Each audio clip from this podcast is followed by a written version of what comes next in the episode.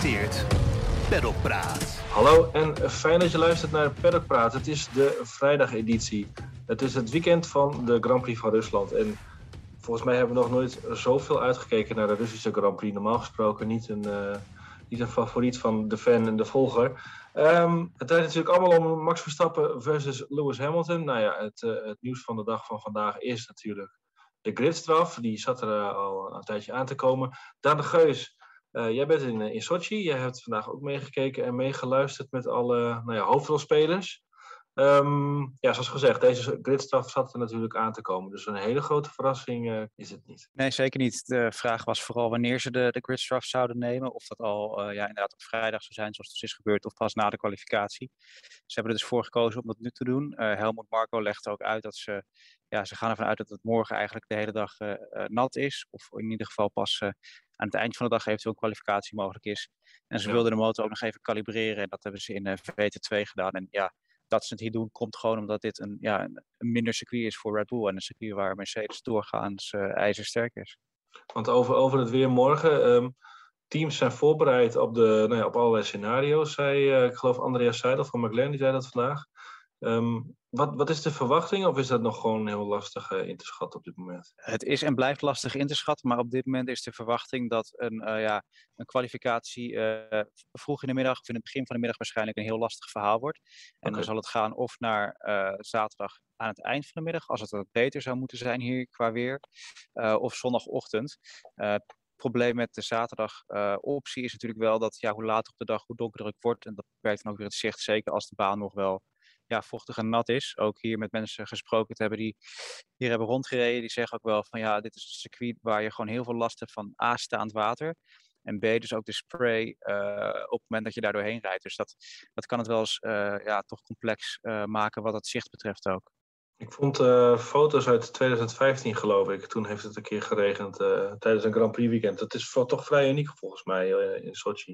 In ieder geval in september dan. Ja, dit is een, een, badplaats. Uh, Russen komen hier normaal gesproken om uh, lekker aan het strand te zitten of, uh, of aan het zwembad. En ja, ik weet niet of ze ook cocktailtjes doen in plaats van wodkaatjes. dat is natuurlijk een beetje een flauw cliché, maar ja, een beetje op die manier ervan te genieten. En ja, dat zie je ook hier als je in een dorp rondloopt ja, het, het, voelt echt als een, als een kustplaats inderdaad. Dus dat het hier uh, ja, onder de 20 graden is, uh, nu is al apart. Dat het dan ook nog eens regent. Uh, ja, voor de mensen die hier op vakantie zijn is het helemaal onprettig. Maar ja, voor de Formule 1 is het misschien wel, ja, wel een soort leuke variatie juist.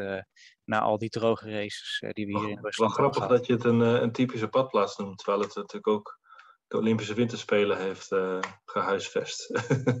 maar dat tezijde. Ja, klopt. Uh, ja.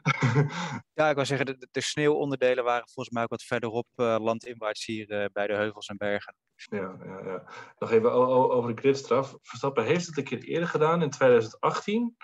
Toen, ik weet nog dat de, de Formule 1 maakte toen zo'n compilatie van inhaalacties met Super Mario geluidjes eronder. Alsof het een computerspelletje voor hem was. Zo makkelijk dat zei hij zelf ook nog vandaag, wordt het uh, zondag in ieder geval niet, hè? Nee, ja, zo makkelijk lijkt het inderdaad niet te worden. De auto's zijn natuurlijk ook weer wat moeilijker om, om mee te volgen en mee in te halen. Al blijft dit wel een baan die, die breed genoeg is en waar je genoeg harde remzones hebt om, ja, om te passeren. Verstappen zei in VT2 wel dat hij topsnelheid miste, wat het moeilijk maakte om, om in te halen volgens hem. Ja, achter een Williams. Uh, Helmut Marko zei daarover dat ze met te veel downforce uh, reden, met te veel vleugel in VT2. Dus dat zou wel uh, ja, opgelost moeten worden.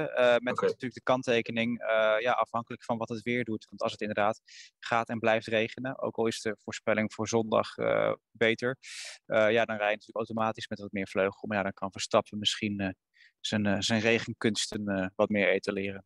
Ja, en uh, wat hij vandaag zei ook, uh, uh, er wordt ook al, nou, uiteraard logischerwijs, over de kwalificatie ingekeken. En de auto wordt natuurlijk gewoon geprepareerd voor zondag. En dan zijn er bepaalde dingen niet nodig die je voor een kwalificatie wel nodig zou kunnen hebben. Natuurlijk.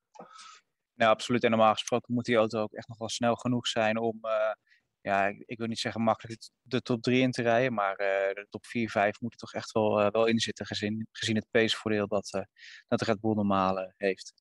Ja, want ook even kijken naar de resultaten van vandaag. Uh, zou je zeggen, ja, een, een, een inkoppertje voor Mercedes? Ja, en dan is de vraag of uh, Valtteri Bottas er mag inkoppen of dat hij hem toch moet, moet verlengen naar Lewis Hamilton, denk ik.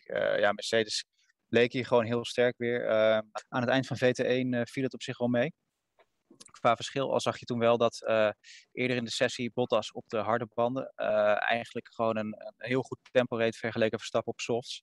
Ja. En in de tweede training, ja oké, okay, Verstappen was, was natuurlijk aan het kalibreren, vooral aan het, aan het voorbereiden voor de race. Maar leek Mercedes toch ook echt wel een, uh, ja, een klapje sneller en, en gewoon telkens te kunnen bijzetten als het, ja, als het nodig was. Ja, je had niet het idee uh, dat die twee jongens, Hamilton en Bottas, echt op het absolute scherp van de snede bezig waren en uh, uh, telkens over de lijntjes gingen of zo. Het voelde allemaal wel redelijk onder controle inderdaad. En er is Mercedes natuurlijk ook veel aan gelegen om de maximale score dit weekend te halen, ook aangezien de, qua kalender zit er, uh, is, is er weinig nieuws te melden. Hè? Qatar wordt zo goed als bevestigd. En verder van uitval lijkt geen sprake te zijn. Hè? Klopt, Qatar, die race die gaat er gewoon komen. Het is enkel wachten op, uh, op de aankondiging. Die, uh, ja, dat ja. zal niet heel lang meer duren. Um, Amerika is natuurlijk wat geharrewar om geweest nog. Hè. Het gaat daar niet per se heel goed. Dan gaan ze pas in november dan weer uh, verder open. Uh, voor de teams zijn geloof ik de meeste vraagtekens wat Amerika betreft echt wel, wel ja, die worden wel weggestreept, zo lijkt het erop. En het, is, zal misschien voor de media wat anders liggen, maar voor de F1-gemeenschap zelf uh, zou het niet zo'n probleem moeten zijn. En uh, ja, dan krijgen we na Sochi inderdaad gewoon nog, nog zeven races voor de boeg. En uh, welke volgorde we het uh, gaan doen in Sochi is nog even de vraag. Dus doen we het morgen, doen we het uh, zondag? Dan heb ik het over de kwalificatie. Um, Daan, jij houdt dat voor ons in de gaten. Um, voor de luisteraar thuis, op Formule1.nl is het laatste nieuws te lezen over dit Grand Prix weekend. En dan gaan we maandag uitgebreid terugblikken. En dan zullen we ook nog even Daan virtueel aan de mouw trekken voor zijn laatste uh, nieuws en observaties uit Sochi. Dan zeg ik voor nu uh, de dank voor het luisteren en tot uh, maandag. Perlpraat.